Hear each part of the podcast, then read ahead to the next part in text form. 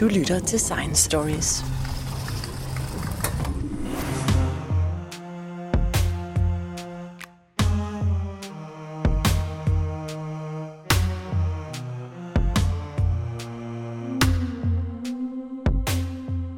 Jeg hedder Jens Degent og er videnskabsjournalist og redaktør af Science Stories. Jeg er taget ud i Zoologisk Have for at tale med vicedirektør Bengt Holst om dyreforskning. Og i dag er vi kommet til næsehornene. Og øh, Bengt Holst, du må lige forklare mig, Zoologisk Have har en flyvemaskine. Hvordan kan det være? Jamen, det har vi nede i en, en nationalpark, der ligger i Sydafrika, der hedder Pilanesberg Nationalpark. Den ligger øh, sådan to-tre timers kørsel nordvest fra Johannesburg, altså en af de største byer i Sydafrika. Og det er en vidunderlig nationalpark. Den er på nogenlunde på størrelse med Bornholm, så den indhegnet, som mange nationalparkerne er. Og de har en dyrebestand dernede, som er Altså det er virkelig, hvad man forventer at se, når man kommer til Afrika med løver, næsehorn, zebra, øh, antiloper, krokodiller. De har det hele, stort set.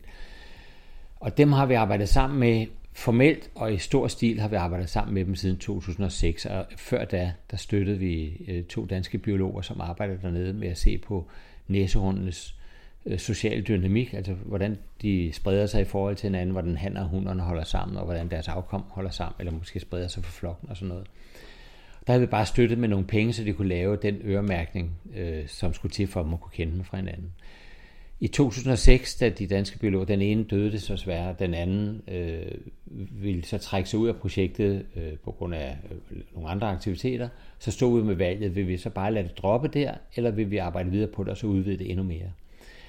Og øh, for at gøre en lang historie kort, så besluttede vi os simpelthen for at fortsætte med arbejdet, fordi vi havde en meget god start øh, sted dernede. Vi havde etableret et godt netværk, et godt samarbejde med Nationalparken, og hvor der var allerede i gang et projekt omkring næshornene, og det overtog vi så, og så puttede vi flere penge i det, og vi sagde, skal vi fortsætte det her, skal vi udvide vores forskningsaktiviteter hernede, så skal vi også bygge en forskningsstation på stedet. Det fik vi så lov til af Nationalparken, så i dag har vi altså en forskningsstation på stedet, med vores eget kontor, eget laboratorium, eget bibliotek og møderum, og så har vi en gæstehus dernede til de gæsteforskere, der kommer derned og udfører forskellige former for forskning. Og så har vi et par biler, som skal til, for man kan jo kun køre rundt i parken. Man må ikke gå rundt i parken, og det er rent sikkerhedsmæssige årsager. Og så har vi altså som det sidste ny af de større øh, ting på, på banen, det er, at vi anskaffede os for, ja, det er to og et halvt år siden, der anskaffede vi faktisk et øh, lille fly til overvågning, og det var simpelthen for at kunne lave observationer fra luften, dels for at kunne observere dyrene opfra, og så på den måde kunne lave nogle tællinger, og også kunne, op, kunne se de dyr, vi havde udstyret med radiosendere, eller vi kunne kende på anden vis. Men det var også for at hjælpe pakforvaltningen med at øh, spore krybskytter, og for at kunne gribe ind over for krybskytter, som er imod næsen. Men øh, det er en lille Bathawk-fly, hedder det. Og Bathawk-flyet er sådan en lille øh, fastvingefly, øh, hvor der er kun plads til to. Det er piloten, og så en, der i det her tilfælde vil være biologen eller dyrlægen, som nu skal ud i området. Og man sidder faktisk rigtig godt deroppe. Man sidder og føler, at man er en del af luften, lidt ligesom en fugl. Øh, og så kan man lukke op, så når man, man, man sidder og kigger direkte ud og har et godt udsyn deroppe fra. Og øh, så skal man selvfølgelig bare være sikker på, at der er benzin nok på flyveren, så flyver den ganske glimrende. Også, og den er ret manøvredygtig, og det vil sige, at vi kan komme ret hurtigt fra A til B deroppe. Det betyder noget, når man skal for det første følge nogle dyreflokke, men ikke mindst, når man skal ud og jage krybskytter. Øh, og det er den problemerne, fordi hvis man finder ud af, at der bliver skudt ind midt i parken, jamen det kan godt være, at der i fugleflugt kun er 5 km derind, men da man skal følge vejene, da, da det er ufremkommeligt terræn resten, så kan det godt være, at den 5 km tur bliver til 15-20 km, og så er man altså for sent derinde for krybskytterne at komme ud. Og der er det lidt lettere med en fly, der er meget hurtigt til at lette.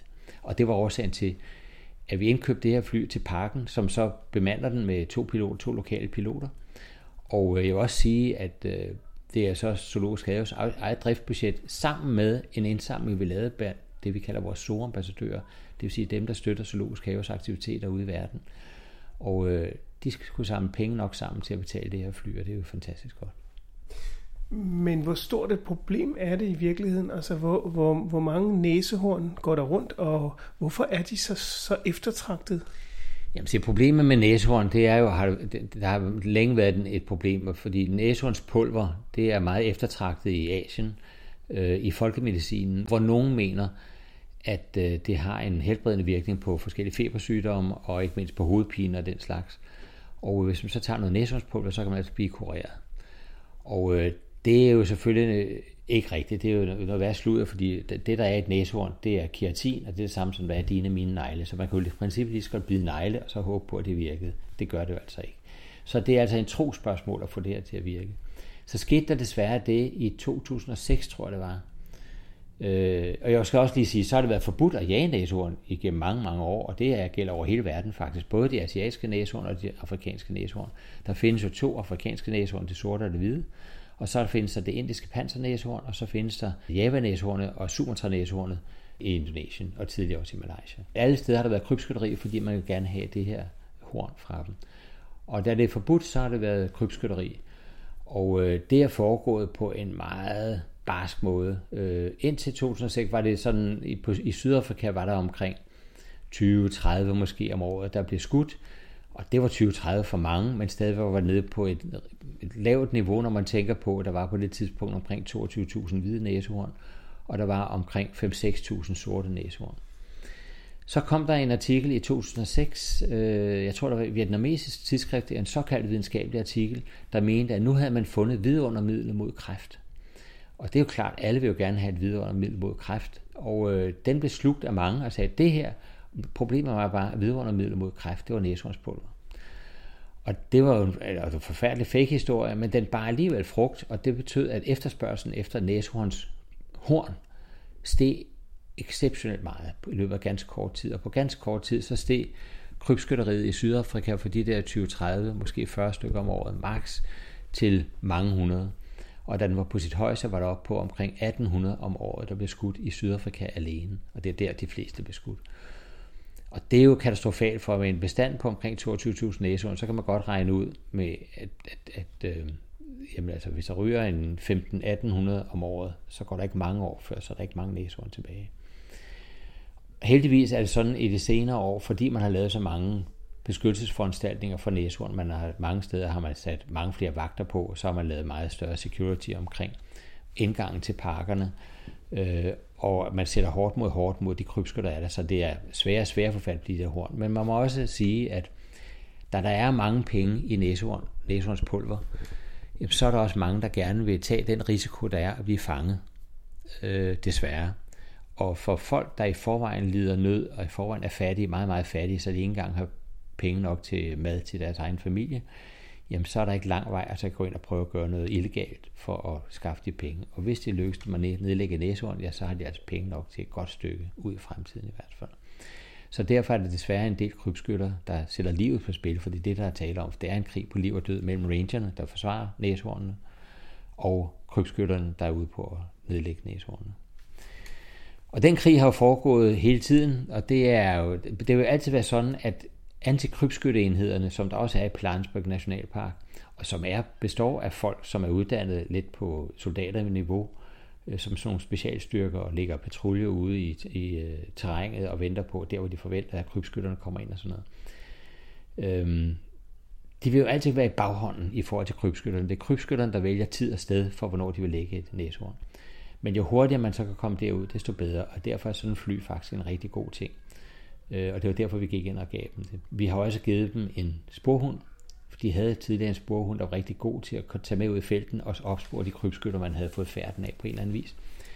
Og den fandt de desværre øh, forgiftet på et tidspunkt, der hvor den boede, og det er klart, der er nogen, der ikke synes, det var godt, den hund var der i nærheden. Så har man givet den noget mad med gift i, og så døde den altså. Men så gav vi dem en ny hund, og gav dem en trænestation, så den er blevet trænet til at blive en rigtig god sporhund, også den nye her. Og på den måde kan vi som zoologisk have, vi kan altså gå ind og hjælpe med at lave de foranstaltninger, der skal til for, at næsehornene, så vidt det overhovedet er muligt, bliver beskyttet langt ud i fremtiden.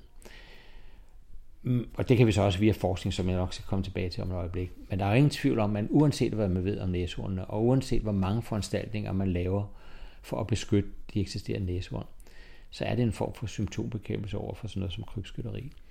Det eneste tidspunkt, man kan sige, nu har vi fundet den rigtige løsning, det er den dag, man kan lave en politisk aftale mellem de lande, der er involveret. Det vil sige leverandørlandene, det vil sige typisk Sydafrika, som har de fleste næsehorn. Også nogle af de østafrikanske stater, Kenya og Tanzania og sådan nogle steder. Og så de lande, der modtager dem, altså det er Kina, Vietnam og en del af de lande over i den del af verden, om at blive enige om, at vi vil gøre en stor, kraftig indsats for, at det her ikke skal ske længere. Først når man har fået den politiske aftale på plads, så man kan se, at den bliver implementeret lokalt, både at man fanger krybskytterne og dømmer dem i, i de lande, hvor krybskytteriet foregår, men også at hvis man kommer underværs med enten mellemhandlerne eller modtagerne af næsehorn, altså et illegalt næsehorn, i de lande, der skal modtage dem, det vil sige Kina, Vietnam og forskellige andre lande i det område. Ja, først når det er på plads, så kan man sige, okay, så har man rimelig godt styr på situationen, og så kan man efterhånden få kværket den der form for illegal handel, øh, og så komme af med den. Og jeg tror, det er den eneste vej frem. Desværre er det jo så sådan, at der er nogen, der har valgt en anden metode, fordi de siger, og det kan man, altså det, man kan egentlig ikke bebrejde dem. Der har, været, der, der har været så meget krybskytteri herinde ved sidste år, der har røget rigtig mange. Faktisk er det jo sådan være, jamen altså hvis der ryger en 1800 om året, så er det noget med en 3-4 om dagen, der ryger alene af den årsag. Øh, og det er mange. Så har man fundet, jamen, hvad kan vi gøre for næsehorn? Hvis ikke vi kan beskytte dem ordentligt, og hvis ikke vi kan komme handlen til livs, så er der kun én ting at gøre, det er at skære hornene af næsehornene, sådan at øh, næsehornene ikke længere er attraktive for krybskytter, for der er ingen, der, der skyder dem på grund af kødet, det er på grund af selve hornet. Og det har man så begyndt forskellige steder, dels i forskellige gameparks og nogle, også nogle nationalparker, og desværre også i Pilansburg Nationalpark, hvor vi er aktive. Øh, fordi man føler, så kan man undgå det her pres fra krybskytterne. Og jeg mener, at flere forskellige årsager, det er en forkert løsning. Jeg forstår godt deres frustration, og det er svært at komme med en evig løsning, der gælder for alle. Problemet er bare, når man skærer næshornet af sådan et, et, et, et, et hornet af et næsehorn, det er jo, at hornet bruges til noget. Altså, der er en årsag til, at næsehornet er udstyret med næsehorn. Det er jo ikke bare for at se godt ud. De bruger det rent faktisk til at grave efter vand med. De bruger det til at skrælle øh, træstammer og så komme ind til noget, bark, noget saftig bark indenunder. Og de bruger det ikke mindst til deres indbyrdes slåskampe, blandt andet de slåskampe, de har, for at etablere et hierarki imellem sig, sådan at de har, de udmærket godt ved, ham derovre, han er dominerende over for mig, så jeg, behøver ikke, jeg, jeg har ingen grund til at gå derover, så vi behøver ikke komme i slåskamp. For man accepterer bare hans tilstedeværelse, fordi man har udkæmpet den kamp en gang for alle. Når man nu fjerner de her horn, så kan de udkæmpe de kampe længere. I hvert fald står den ikke mål med det øh, system, som de egentlig ville kæmpe ud fra, at sige, har man det største horn, det er også den stærkeste. Så de kan ikke rigtig vurdere styrken af de forskellige næsehorn længere over for hinanden. Og det vil sige, at man kan sandsynligvis i fremtiden se langt flere kampe næsehorn imellem, der bliver anderledes, fordi de ikke har de spidse horn længere til, men de kan være enormt hårde på, på anden vis, og dermed også for eksempel også dræbe kalvene, som kan komme i klemme mellem de kæmpende. Så man får mange flere kampe, meget mere uro i den sociale dynamik i et område, hvor der er næsehorn, og så risikerer man måske også, at de tørkeperioder, de faktisk ikke har adgang til vand, som de burde have, fordi man har fjernet den skov, de, de graver med. Og det mener jeg er en forkert måde, og som det sidste argument imod det, det er, når man nu officielt skærer hornene af et næsehorn, så er der jo stadig hele den brede konsol tilbage, for man skærer jo ikke ind til knoglen. Og det vil sige, at der er stadigvæk en del næsehorns fibre, en del næsehorn tilbage på næsen af næsehornene. Og den vil krybskytterne gå efter. Når der ikke er noget af de store horn, så går de efter de små horn. Det ved vi, fordi de har været inde på nogle af de der børnehjem, hvor man har sat næsehornskalve, der er blevet øh, forældreløse, fordi moren er blevet skudt bort af næsehorn, så har man sat dem ind i sådan nogle, nogle slags børnehjem, hvor man så flasker dem op, og så vil senere hen bruge dem som avlstyr i forskellige sammenhænge. Der har man set krybskytter, der har gået ind på de her børnehjem og skudt de små næsehorn, som bare har sådan en lille dulut på næsen, altså som ikke er noget særligt stort, bare for at få fat i det her meget lille horn på næsen. Og hvis de går efter sådan nogle små nogen, så kan de også gå efter de store, der har fået skåret med Og så vokser næsehornene, de vokser konstant. Og det vil sige, at om to-tre år skal man til det igen, for så er næsehornene jo vokset ud igen på de store. Så skal man til at nedlægge dem igen. Og det kan ikke være rigtigt, at man skal have en bestand på omkring 20.000 næsehorn, som man hver tredje år skal bedøve alle sammen. Og så skærer hornene af, og så slippe løs igen. Det bliver en mærkelig form for produktionsdyr, man så har. Så jeg vil sætte bare et stort spørgsmålstegn ved, om det er den rigtige måde at forvalte en næsehornsbestand på, til trods for, at vi har et krybskytteri. Og specielt også lige nu, fordi man kan se, at krybskytteriet er, for, er faldende. Det er stadig alt for højt. Vi ligger på en 400-500 om året for øjeblikket. Det er stadig alt for højt, men det er på, til gengæld på vej nedad. Og lige her i coronatiden er det kommet op igen, fordi mange af nationalparkerne har været lukket. Og da det har været lukket, så har der ikke været nogen folk ude i nationalparkerne. Det vil sige, at der har været frit lejde for mange af de her krybskytter, der går rundt derinde uden at blive opdaget. Og så har de kunne skyde de her næshorn, og så bare træde ud igen med hornene under armen. Og de er hurtige, altså de ved hvor næsehorn er, og så skærer de hul i hegnet, og så går de ind, og så skyder de dem, og så hugger dem af med machetter. Og det er jo ikke engang sådan, at næsehornene nødvendigvis er døde, når de hugger dem af. De der horn, de hugger dem af så hurtigt de kan. Og det vil sige, at vi har set flere næsehorn, også i Pilanesberg, som har været skudt af krybskytter, men de har ikke, det har ikke været dræbende skud. Så har de begyndt at hakke, så har de hugget hornene af dem, mens de stadig var levende live, og det kan vi se på, fordi de har trukket langt blodspor efter sig, efter at hornet er blevet hugget af, og så dertil, hvor de så lægger sig til at dø, for bare simpelthen bare at komme væk fra krybskytterne. Så der er altså, det er nogle barske metoder, der bruges fra krybskyttersiden. Så det er jo, ja, det er, en, det, er en, det er en hård krig. Men jeg undrer mig over, hvordan brugerne af de her næsehornspulver, de kan vide, at det rent faktisk er ægte næsehornspulver. Altså det burde være muligt at fake det, sådan så at, øh, at man solgte dem noget, noget andet, som, som, øh, som man så bare fortalte dem var næsehorns. Øh, det, kunne være, det kunne være sådan noget pulver fra, fra hove, eller hvad ved jeg. Det er rigtigt, og det kunne man sikkert også komme et stykke hen ad vejen med, men øh, der vil meget hurtigt blive ligesom det er med heroin og de der meget hårde stoffer.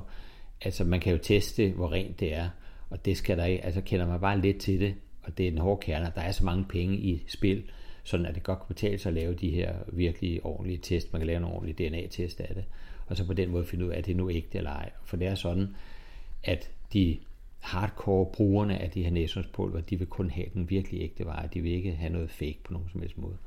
Så der er ingen tvivl om, der vil komme kontrol den del. Man har nemlig også snakket om, at kan det så ikke betale sig at lave en form for fangenskabsavl af næsehorn, for på den måde at producere næsehorn til kommersiel salg, øh, og så på den måde dække markedet, eller i hvert fald udtønde markedet for det illegale næsehorn.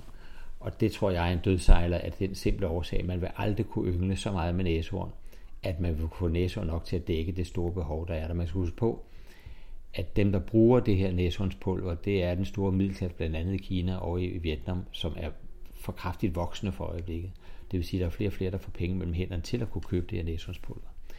Og når en middelklasse bliver på omkring 100 millioner, hvis de alle sammen skal have næsehåndspulver, så skal der altså produceres rigtig meget næsehorn. Og når vi kun har omkring 20-25.000 næsehorn i det hele taget i verden, så vil vi aldrig kunne dække et behov for den store mellemklasse, som gerne vil have det. Så jeg tror, det vil være en dråbe i havet, hvis man prøver at afle sig ud af det. Så den tror jeg ikke på. Også fordi det er jo ikke noget, man kan høste hvert år. Altså man kan høste måske et, et horn fra et, et, et næsehorn hver 3., 4., 5. år.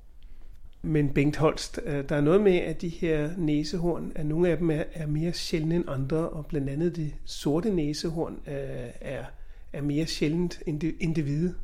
Ja, det er rigtigt. Altså, der snakker vi så kun om de afrikanske næsehorn. Der er to næsehornsarter i Afrika. Og det hvide, der findes omkring 18.000 tilbage i øh, Afrika, og det sorte ligger omkring 5.000, måske en lille smule mere. Øh, så de, de, og de har været helt nede rundt omkring de 2.000, men på grund af de beskyttelsesforanstaltninger, der har været, så er de heldigvis kommet op i bestanden igen, og det samme gælder de hvide, de var også meget langt nede, men så beskyttede man den meget kraftigt, og det har altså givet, at bestanden er kommet op omkring de nogle af 20.000, nu er tilbage igen til 18 og på vej nedad på grund af krybskytteriet. Øh, men det er rigtigt, og der er forskel på dem, og der er også forskel på deres levevis. Øh, for det første er, der, der, det skal måske lige slå en pind igennem. Det hvide næsehorn er ikke hvidt, og det sorte er ikke sort. I farven er de fuldstændig ens. Der er en lille smule forskel i deres kropsstruktur, men det, det der med det hvide næsehorn, det kommer faktisk af det bo, det gamle øh, lokale navn for hvide næsehorn, det hedder white rhino. Ikke white rhino, altså ikke hvid næsehorn, men bredt, bredt næsehorn. Det er fordi, de har en meget bred snude, og det, på dansk hedder det også bredsnudet næsehorn. Og da den ene så hed white, og så blev det fortolket som white næsehorn, altså som hvidt næsehorn, så sagde man, så må det andet jo hedde sort. Så, og det sorte næsehorn, det har i modsætning til den der meget brede snude, som det hvide næsehorn har, så har det sorte næsehorn nærmest sådan en finger på næsen. Og det skyldes deres forskellige levevis. Øh, det hvide næsehorn lever af græs. Det går altså som en stor græsslåmaskine på, på savannen, og bare knæver græsset af der, hvor de går. Mens det sorte næsehorn lever inde i buskaget og lever af grene, kviste og blade og den slags. Og derfor bruger den den der lidt spidse dut på næsen, som man kan kalde fingeren på næsen, til simpelthen at gribe om bladene, gribe om de små kviste. Og det er det, de lever af. Det er den måde, de griber fat om det på. Og det er jo så også den måde, man kan kende lidt på, når man bare ser en profil, at det sorte næsehorn vil oftest holde hovedet op, fordi det lever noget der oppe i højden, mens det hvide næsehorn holder hovedet ned mod græsset, for det er det, den lever af. Så det er rigtigt. Der, der er forskel på Der er forskel levevis, og der er forskel i øh, udseende selvfølgelig også, men ikke så meget, ikke slet ikke i farven. Så er der forskel i, hvor mange der er tilbage. Men så skal vi ikke huske, der er jo tre slags næsehorn mere. Der er de tre asiatiske næsehorn. Og øh, Der er det indiske pansernæsehorn, og der er nok en 3-4.000 tilbage af dem. Og så er der javanæsehornet, hvor der kun er omkring 60 tilbage. Og så er der sumatranæsehornene, som et skud i tågen, man siger, der er 300 tilbage. Det kan også være 100, det kan også være 400, det er svært at sige. Men det er i hvert fald en art, der er kraftigt for nedadgående. Og desværre må man konstatere, at den tidligere var også rimelig udbredt i Malaysia. Øh, men i dag, inden for de sidste 5-10 år, så er den totalt uddød i Malaysia. Og det vil altså sige, at man har ikke været dygtig nok til at beskytte de sidste eksemplarer af sumatranæsehornet i Malaysia, og det er jo meget sørgeligt. Så er der stadig en stand, bestand tilbage i Indonesien, og der kan man håbe på, at det lykkes at bevare den for fremtiden. Og til trods for, at Java-næsehorn er den, der er færrest af, at samtlige næsehorn på den jord, så er det nok den, der har den bedste fremtid, fordi det er den bedst beskyttede. De findes alle sammen i en nationalpark, hvor der er vagter på stort set hver eneste næsehorn. Øh, og det er jo næsten umuligt at komme til dem. Og øh, det er ikke noget, man bare går til. Så, så de er godt beskyttet. Det, man kan frygte, fordi de alle sammen er samlet på et sted, det er, hvis der kommer en sygdom ind i den bestand, så i løbet af en relativt kort tid, hvis det er en smitsom sygdom, så ryger hele bestanden på en gang. I modsætning til, hvis man havde den over flere forskellige områder, så kan det godt være, at en del af dem døde bort, men resten ville overleve, fordi de ikke var i et område, hvor sygdommen er. Så det, man diskuterer for øjeblikket, det er, om man skulle dele flokken op, simpelthen af sikkerhedsmæssige årsager. Det giver så nogle andre problemer, men jeg tror, det vil være en fordel, helt klart. Men jeg tænker på, øh, Bengt Holst, nu snakker vi jo om, om forskning, og man har jo kendt øh, næsehornene øh, rigtig lang tid. Øh, hvad er der mere at vide om, om næsehornen? Ved man ikke øh, stort set øh, alt om næsehornenes liv? Det ville være fantastisk, hvis vi gjorde det, og det kunne man sige om alle dyr, men det er jo faktisk sådan, næsten ligegyldigt hvilket dyr du, øh, kan, du nævner, så har vi kun skrabet i overfladen. Der er så mange ting, vi ikke ved om dyrene, og det kan være noget af deres indre som sådan, og det er selvfølgelig svært, fordi det er en masse små enheder, men det er også noget af deres ganske almindelige levevis. Hvorfor lever de, som de gør? Hvorfor lever de der og andre et andet sted? Hvad er det, der gør det? Er det fordi, de går efter noget salt i jorden? Eller fordi, de går efter en speciel plante eller lignende? Øh, hvordan er deres sociale dynamik? Det kan godt være, at vi er vant til at se. For eksempel ved vi, at det hvide næsehorn færdes mere i flok, mens det sorte næsehorn er meget solitært, kalder man, altså de lever alene. Men meget mere ved vi ikke. Og dem, når de lever i flok, jamen øh, hvad er det så for en slags flokke? Er det beslægtede flokke? Er det nogen, der har fundet sammen? Er det hundflokke? Er det hanflokke? Er det ungdyr, der lever sammen? Og så senere, så splitter det sig op, og sådan nogle ting, det ved vi faktisk ikke. Øh, og det er jo noget af det, vi har sat os for at prøve at finde ud af nede i den nationalpark, som vi nu har arbejdet i rigtig mange år. Og øh, vi gør det ved samarbejde med Københavns Universitet, hvor øh, vi stiller faciliteterne til rådighed, og den ranger, vi har ansat dernede til at passe vores forskningsstation, og som hjælper os med at, at rapportere tilbage om de ting, der sker dernede, og administrere vores forskningsstation, men også det fly, vi har dernede, og de køretøjer, vi har dernede.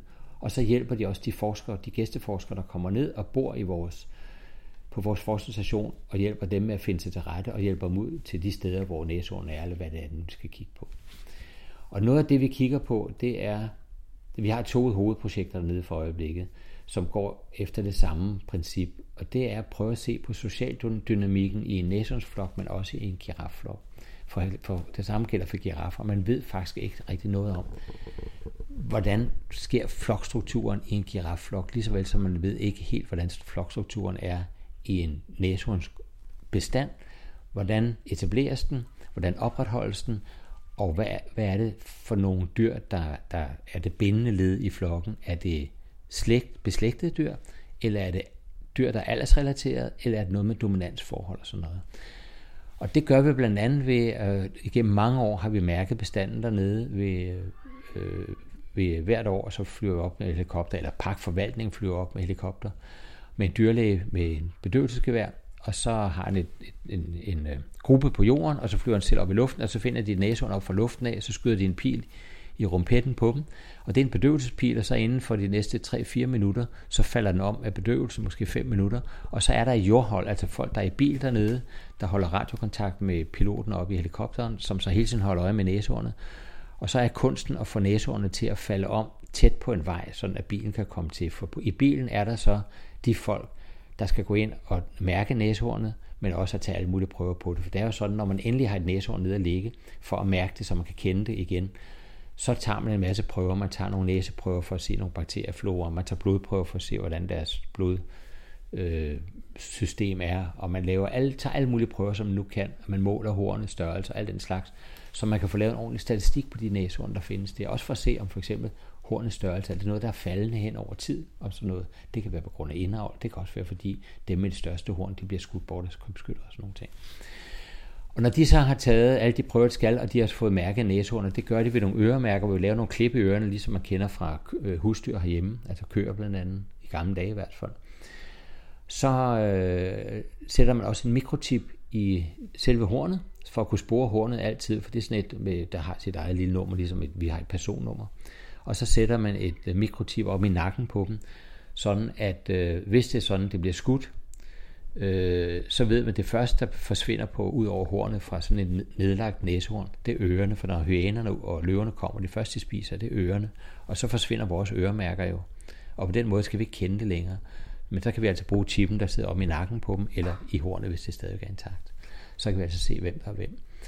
Og ved den viden, vi får den vej igennem, og så observere, og det kan man godt observere på afstand, det der, det er hund nummer 345, eller noget af den stil, så for eneste gang, der observeres et næsehorn, så bliver det nøje skrevet ned, at det befinder sig lige akkurat der. Det er sammen med et, næse, et næsehorn nummer 225, eller noget i den stil. Øh, og, sådan, og så lige hvad det laver, er det i gang med at foragere, eller i gang med at sove, eller hvad det gør.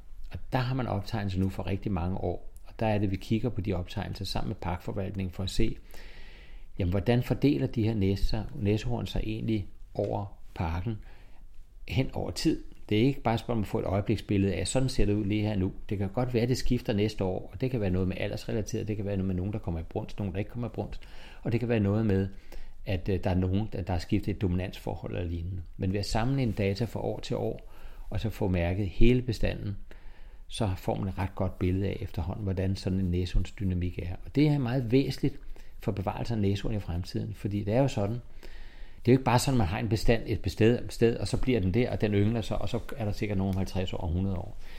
Der er jo mange af de her næsehundsbestande, der findes i meget små grupper, fordi der ikke er plads til flere, fordi området er fuldstændig skåret igennem af kulturlandskab. Og så har man blevet nødt til visse steder at flytte rundt på næsehornene for at få dannet de rigtige flokke og få flyttet dem ind i nogle nationalparker, hvor de er i sikkerhed, men der er det jo væsentligt at vide, hvad er det for nogle enheder, man skal flytte? Er det hunder alene, hanner alene? Er det, er det parvis, man skal flytte den? Eller er det familiegrupper? Eller er det de unge dyr, man skal flytte alene, fordi de nu engang er ved at etablere sig i forhold til de gamle i flokken? Hvad det er for nogen, man flytter, det ved man først den dag, man kender noget om deres social dynamik, så man ikke laver mere rav i den, i stedet for at gavne ved at lave de der flytninger. Så det er altså det, vi er ved at generere data øh, til baggrund for, så de kan tage de rigtige beslutninger. Det samme har vi så lavet med girafferne. Nu i otte år har vi arbejdet med det specifikt. Og jeg nævner lige dem her, fordi det er nok der, vi kom længst på nuværende tidspunkt. Der har vi lavet tæt sammen med universitetet, hvor vi har specialstuderende nede og følge girafferne. Og der er det sådan, de 100, knap 180 giraffer, der er i Palansburg Nationalpark, dem kender vi alle sammen individuelt ved hjælp af halsmønster. Altså ligesom vi har fingeraftryk på vores fingre, så har de et halsmønster, der, der er individuelt genkendeligt. Og så kan vi, på samme måde som vi gør med næshornene og øreklipsene, så kan vi altså se, hvilke giraffer der er hvem, og på den måde notere nøjagtigt, hvilke dyr er sammen i flokken, og hvilke nogen går alene, og hvilke alder har de alt den slags. Det vi så prøver at finde ud af, det er, vi ved, at nogle giraffer holder sammen i flok, men vi ved også, at de flokke er enormt løse. Og det er sådan, når to girafflokke møder hinanden, at der kan være 20 i den ene og 15 i den anden. Når de så kommer ud på den anden side og har passeret hinanden, så ser flokkene helt anderledes ud. Så kan det være 17 i den ene og 12 i den anden og sådan noget. Så de er altså meget troløse over for deres egen flok. Men der er alligevel nogen, der altid holder sammen. Hvorfor gør de det? Er det fordi det er samme køn? Er det fordi det er samme aldersklasse? Er det fordi de er beslægtet på nogen måde?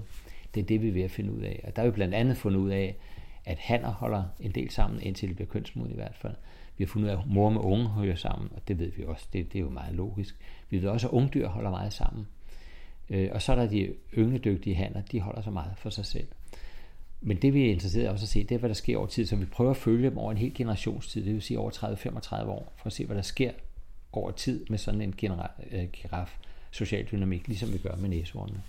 Og ved at få, få lavet de her alle data, og så samtidig få det sat i relation til genetikken, altså hvem er beslægtet med hvem, og det gør vi ved at skyde sådan en, en pil i dem, når vi ser dem, øh, hvor hvis den tager sig en vævsprøve og falder til jorden med det samme. Og så kan vi samle de der vævsprøver ind, fryse dem ned, og så kan vi analysere dem øh, DNA-analysere dem for at finde ud af, hvordan de er beslægtet, de forskellige individer. Den socialdynamik, vi ser ude i flokken, kan vi relatere til deres indbyrdes slægtskab, og dermed finde ud af, om slægtskab har nogen som helst betydning for deres flokstruktur eller ej.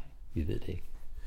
Men man kunne godt forestille sig alt det her krybskytteri og, og det her med at fjerne øh, næsehornene på næsehornene, at, at det rent faktisk også har en, en, en indflydelse på deres øh, sociale liv.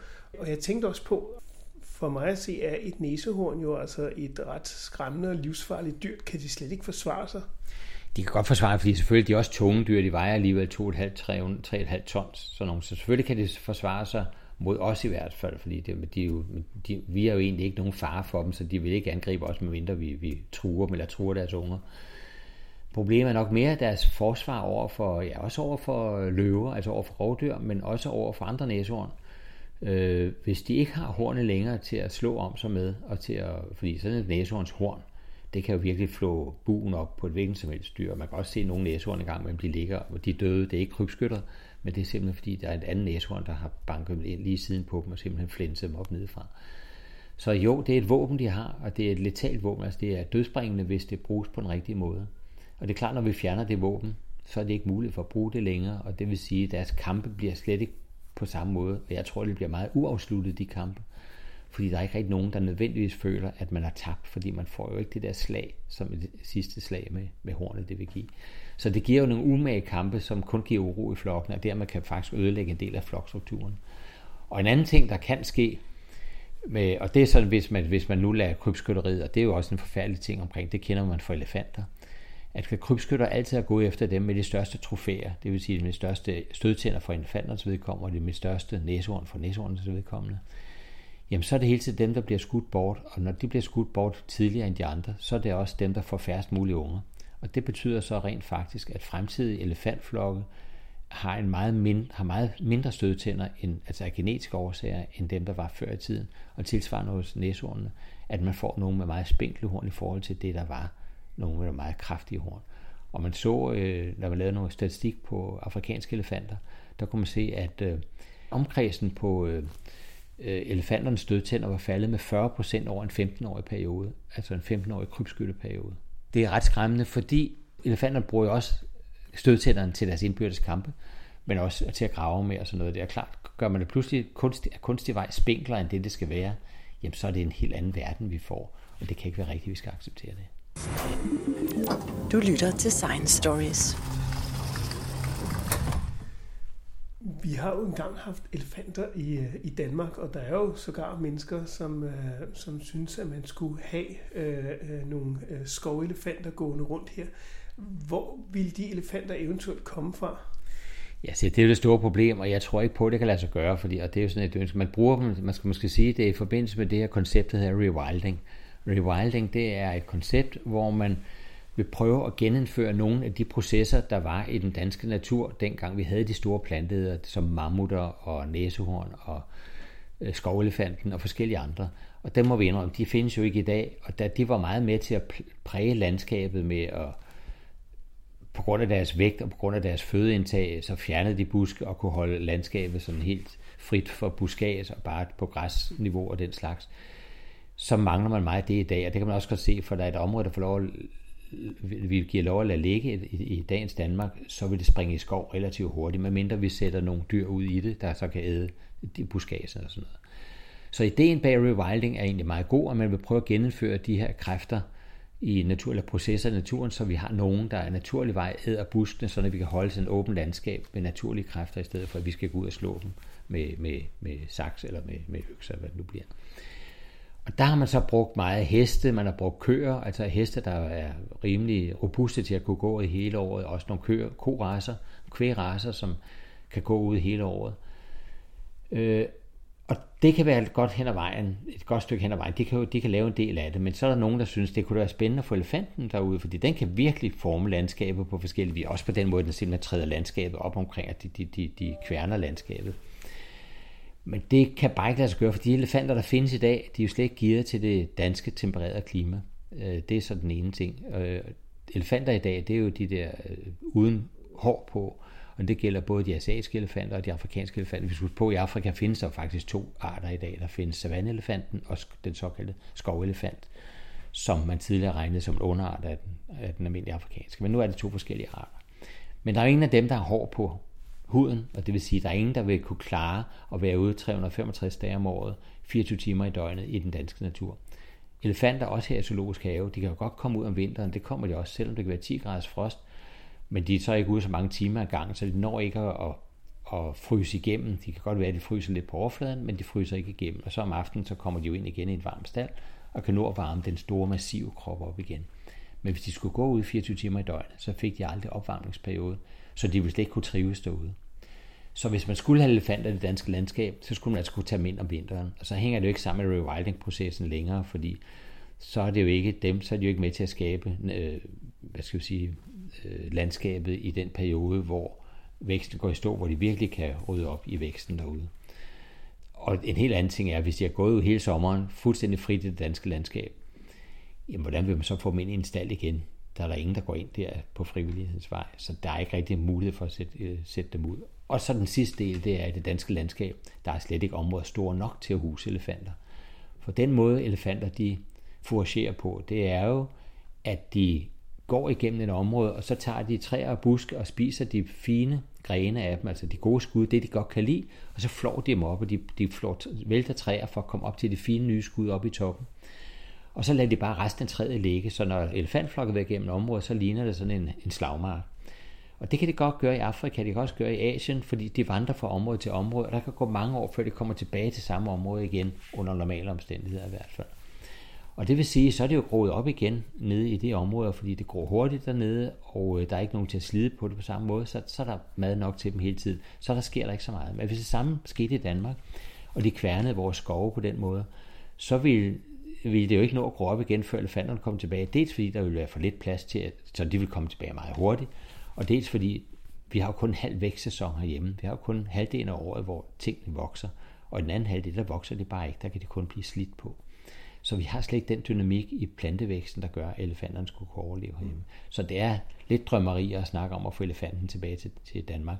Og så er det jo heller ikke tilbage, for det er ikke den samme elefant, som vi havde engang for mange tusind år siden. Dengang havde man en hård elefant, altså skovelefanten havde hår på, mammuten havde kraftig pels på. De var givet til vores klima. Og det samme gælder næsehorn. Der er ikke nogen ja. kandidater til at rende rundt i den danske natur. Nej, der var jo det næsehorn, der engang fandtes, også i, øh, det, helt op i vores tempererede egne, og i hele Midt-Europa har været der ret mange af.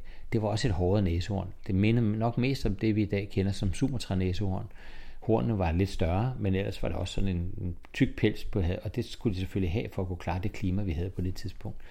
Mens de næsehorn, vi har i dag, de afrikanske, de er jo fuldstændig ligesom elefanten, uden pels på, så de vil heller ikke kunne klare en vinter heroppe.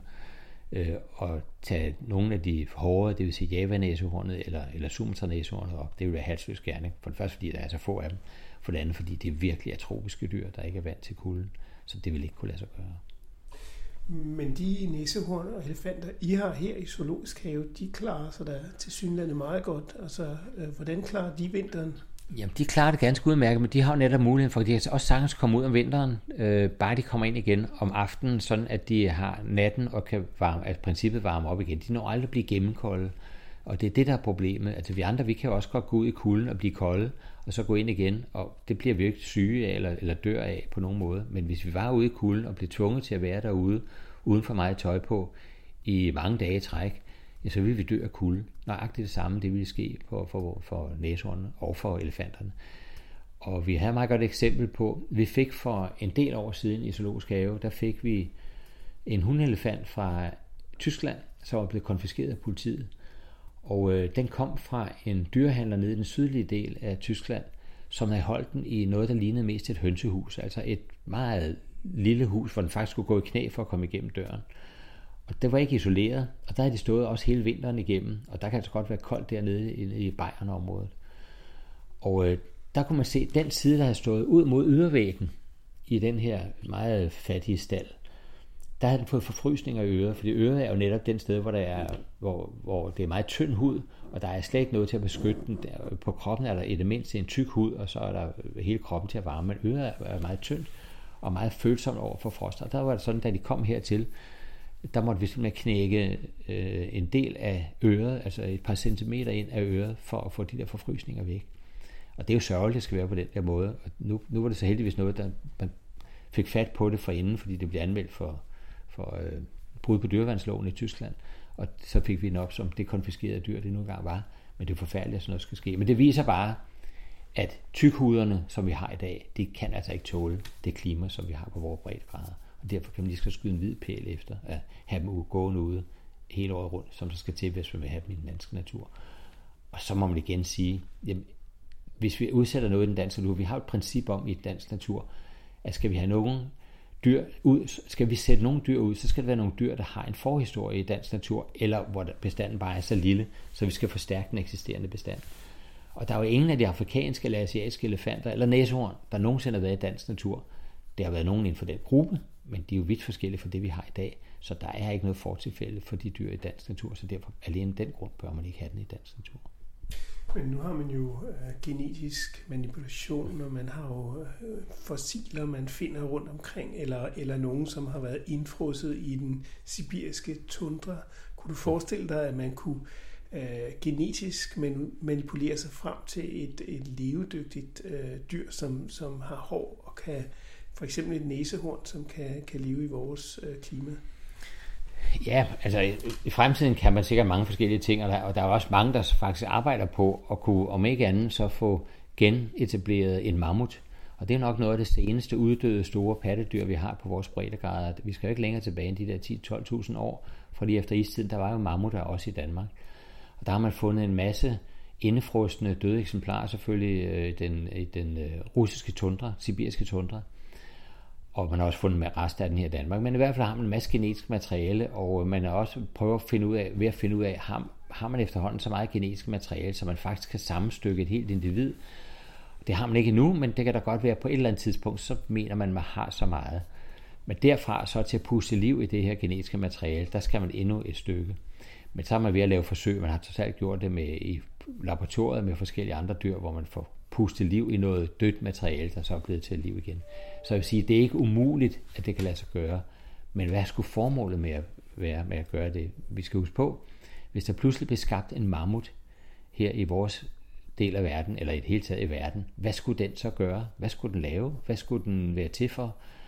Øh, den vil være den eneste mammut på denne jord, og dens, hele dens tidligere levested er forsvundet. Så der er ikke nogen steder, man bare kan sætte den ud. Og skulle man så have den i zoologisk have, hvorfor skulle man have sådan en der? Den er der jo, den, det, er jo, det er jo ikke et eksemplar, det er jo sådan et eventyr-eksemplar, man selv har skabt. Man kunne lige skulle udstille en robot af et eller andet. Og jeg vil sige, hvis vi ikke engang kan passe på de dyr, vi har i dag, altså alle de truede dyr, der findes i dag, vi ikke engang kan passe på dem, og der i løbende uddør den ene dyreart efter den anden, hvorfor skal vi så bruge ressourcer på at genskabe noget, som vi heller ikke vil kunne passe på, og som slet ikke har nogen fremtid, fordi vi kan jo ikke skabe så mange, så der kommer en levedygtig bestand. Og hvorfor skulle ind ved det? Fordi så, ind, så vil vi pludselig introducere en helt ny art, der vil skubbe andre arter til side.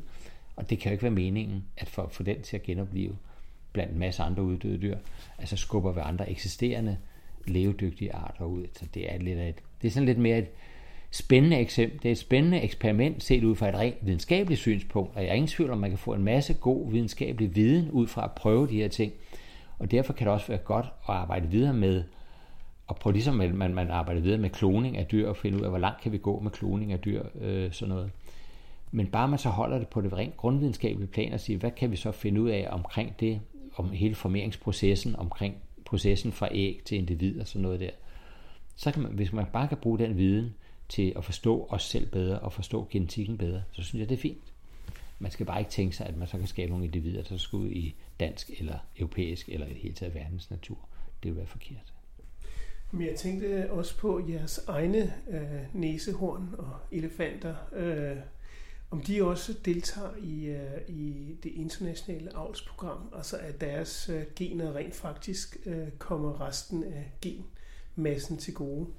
Ja, det gør det, og det er jo sådan, at siden 1985, hvor vi startede de europæiske avlsprogrammer mellem zoologiske haver, der er det jo sådan, at mange arter i dag er omfattet af de europæiske avlsprogrammer. Det vil sige, at man stiller sine dyr til rådighed, så man afgiver princippet sin bestemmelsesret over dyrene og siger, nu er det ikke mig, der bestemmer, hvem der skal yngle med hvem, men der sidder en artskoordinator et eller andet sted i Europa, som så har hånd og halsret over dyrene.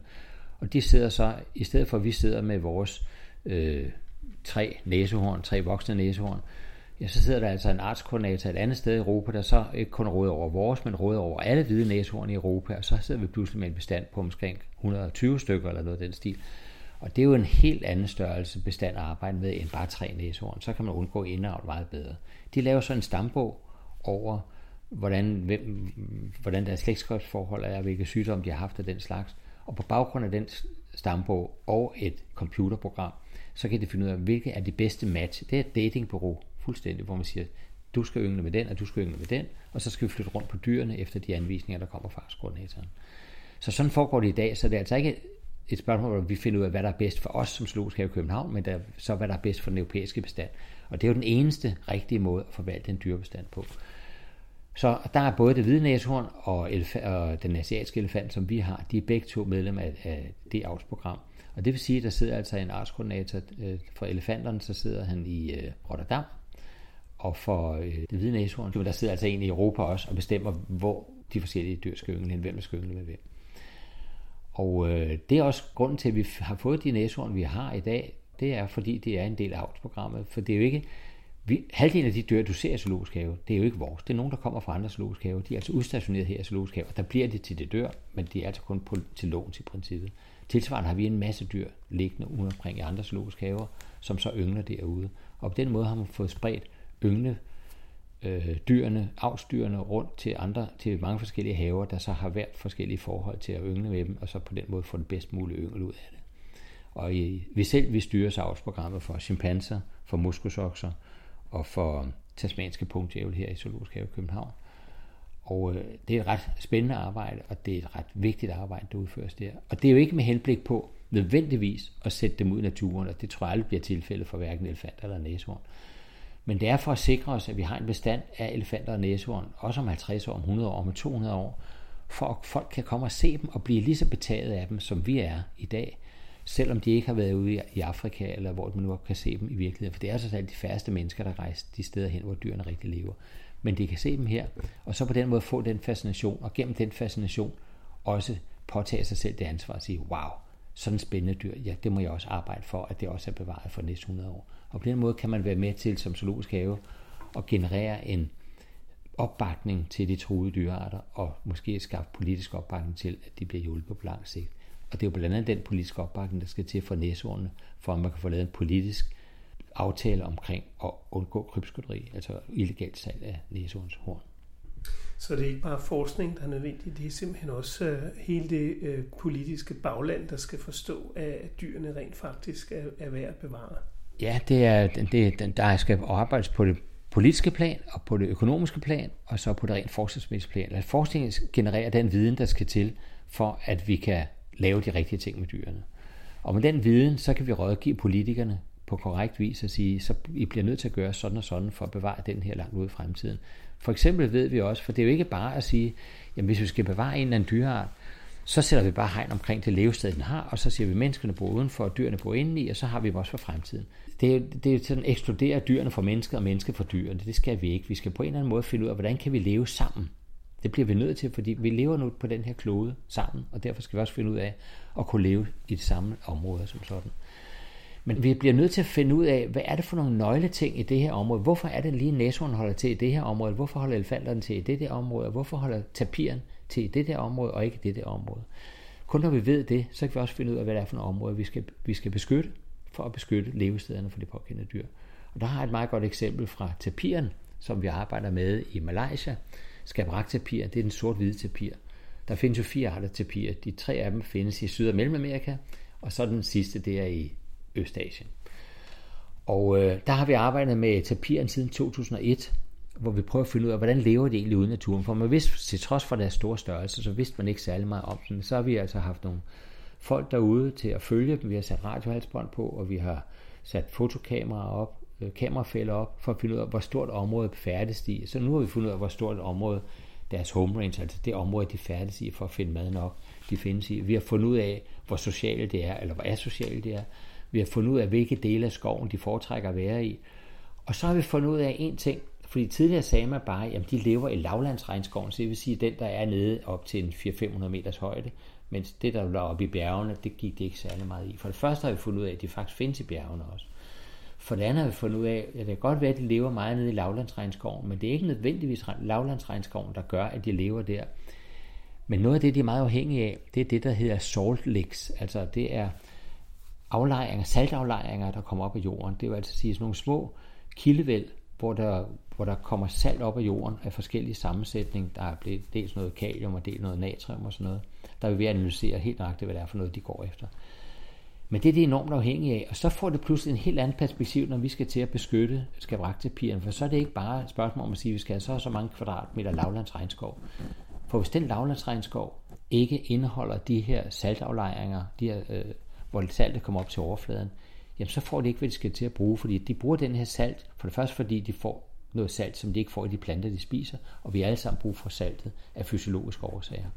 Men de bruger sandsynligvis også saltet, øh, eller de mineraler, de får i jorden, til at afgifte nogle af de planter, de spiser, for de spiser også giftige planter, og så kan de altså bruge mineralerne fra jorden til at afgifte, øh, sådan at de ikke bliver forgiftet, som du og jeg vil blive.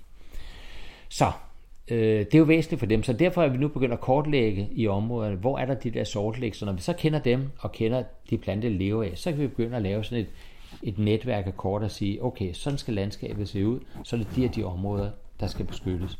Og det er den viden, vi giver videre til lokale natur, lo, øh, naturforvaltningsmyndigheder, som så er dem, der skal tage beslutninger. Det er klart, vi skal ikke som København så komme, komme og tage beslutninger på deres vegne, men vi kan levere de forskningsmæssige data, der skal til, for at de træffer de rigtige beslutninger. Og der har vi indgået et samarbejde med dem, sådan at de bruger os meget som konsulenter i den sammenhæng, og tager vores data til sig, og så har vi lavet en forvaltningsplan sammen, som blandt andet tager højde for de her ting. Og det er der, hvor vi kan få en indflydelse. Det lyder rigtig spændende, Bengt Holst. Hvordan går det med jeres egne næsehorn her i Zoologisk Have? Altså jeg hørte at tidligere, at, øh, at han havde gjort begge hunderne gravide, og så var han ellers stået af selv. Ja, det er rigtigt. Det er sådan, vi havde jo øh, vi havde en han og to voksne hunder. Og øh, de har så fået øh, den seneste kald på her i Zoologisk Have, den kom her i april i år, og den er løber rundt over sammen med sin mor. Og så var den anden også drægtig, og øh, hun aborterede desværre kort tid efter, øh, at vi havde fået den første kalv, så aborterede hun. Og det var ellers ærgerligt, fordi de skulle ellers have født med en fire måneders mellemrum. Og det har været fantastisk godt for at have to næsehornskalve på nogenlunde samme alder til at vokse op på samme savanne og lege sammen. Det er jo et fantastisk syn. Det havde vi heldigvis med de to andre kalve, vi havde, som stadig er derovre. Det er to hanner, som er født med tre måneders mellemrum. Og de er nu øh, to år gamle, begge to, med lige plus minus tre måneder. Øh, og da de voksede op sammen, det var fantastisk for publikum at se, men også for næsehornene selv at vokse op sammen med andre, og, så, og se, hvordan næsehorn de leger. For der er jo egentlig ikke forskel på, hvordan en løveunge leger og en næsehorns unge leger. Det er et spørgsmål om at prøve nogle kræfter af. De prøver deres egne færdigheder, de, øh, de prøver at slås, prøver at finde ud af, hvor er min styrke hen, hvor er den anden styrke, hvornår skal jeg give op og sådan noget der. Og de slås så bare på næsehornsmaner, mens løveunger slås på løvemaner. Og på den måde lærer de nogle færdigheder, som de kan bruge senere hen, når de bliver voksne, og hvor det er fuld alvor. Og så har de fundet ud af for det første, hvordan de skal gøre det, men ikke mindst også, hvor stærke de er, for så ved de også, hvornår de skal holde op, og det vil sige, hvornår de skal dukke sig for modparten, der måske er stærkere. Så det er en meget vigtig viden for dem at få. Så øh, jeg synes, det går rigtig godt med vores næsehorn. De yngler, de yngler rigtig godt, og de vil forhåbentlig vide, nu havde vi selvfølgelig den her abort, som var på et meget sent tidspunkt, vi kan ikke sige, vi har ikke fundet noget, vi kan ikke sige årsagen til abort, vi kan bare konstatere, at det skete. Så nu er det på med hatten igen, og så må vi se og få fat på en ny han, for der skete desværre også det under drægtigheden af begge de her to, så døde vores, han, vores avlshand her sidste år. Han kom fra øvrigt fra Knuttenborg oprindeligt, og han var blevet så anbragt her i Zoologisk Have af avlsprogrammet, som øh, bestemmer det. Øh, han fik pludselig sådan en hudsygdom, hvor han fik en form for nællefeber over det hele, eller noget, der lignede en autoimmun reaktion, altså en reaktion, hvor han afstøder sit eget væv. Og det startede egentlig, øh, jamen han havde det omkring munden, han havde det i ansigtet, han havde det efterhånden mellem, mellem benene og forskellige steder, hvor han fik nogle store sår. Og så prøvede vi sådan at behandle sårene selvfølgelig, og vi prøvede at smertebehandle ham, men det er klart, på et tidspunkt fandt vi ud af, at vi kunne ikke gøre noget for, for at kurere det vi kunne ikke blive ved med bare at smertebehandle det, fordi det, det, er, ikke, det er ikke ok for dyret at bare være under konstant smertebehandling. Og til sidst aftalte så er der ikke andet at gøre. Nu har vi gjort alt, hvad vi kunne, og så aflivede vi ham. Og så prøvede vi selvfølgelig obduceret. Men der har ikke været nogen egentlig svar for den obduktion, der er foretaget, som vi sige, det her, det stammer fra. Og for at komme tilbage til det, dine indledende spørgsmål, så viser det jo bare, selvom vi tror, vi ved alt om dyrene, så er der altså en masse ting, vi ikke ved endnu. Og selv sådan noget som en sygdom, der bryder ud i fuld lys lue på et dyr, vi har lige foran os, som vi får lov at obducere efterfølgende, kan tage alle de laboratorieprøver, vi vil. Vi kan stadig ikke finde ud af det, hvad, hvad det er, de er, øh, den er blevet syg af, og det er død af. Det er også noget, der foregår i naturen. Så der er masser af viden, vi ikke har endnu. Så der er grund til at lave masser af forskning på de her dyr stadigvæk, både på den adfærdsmæssige del, den genetiske del og på den fysiologiske eller veterinære medicinske del. Det er jeg helt sikker på, Bengt Holst. Du skal have tak for det. Mm.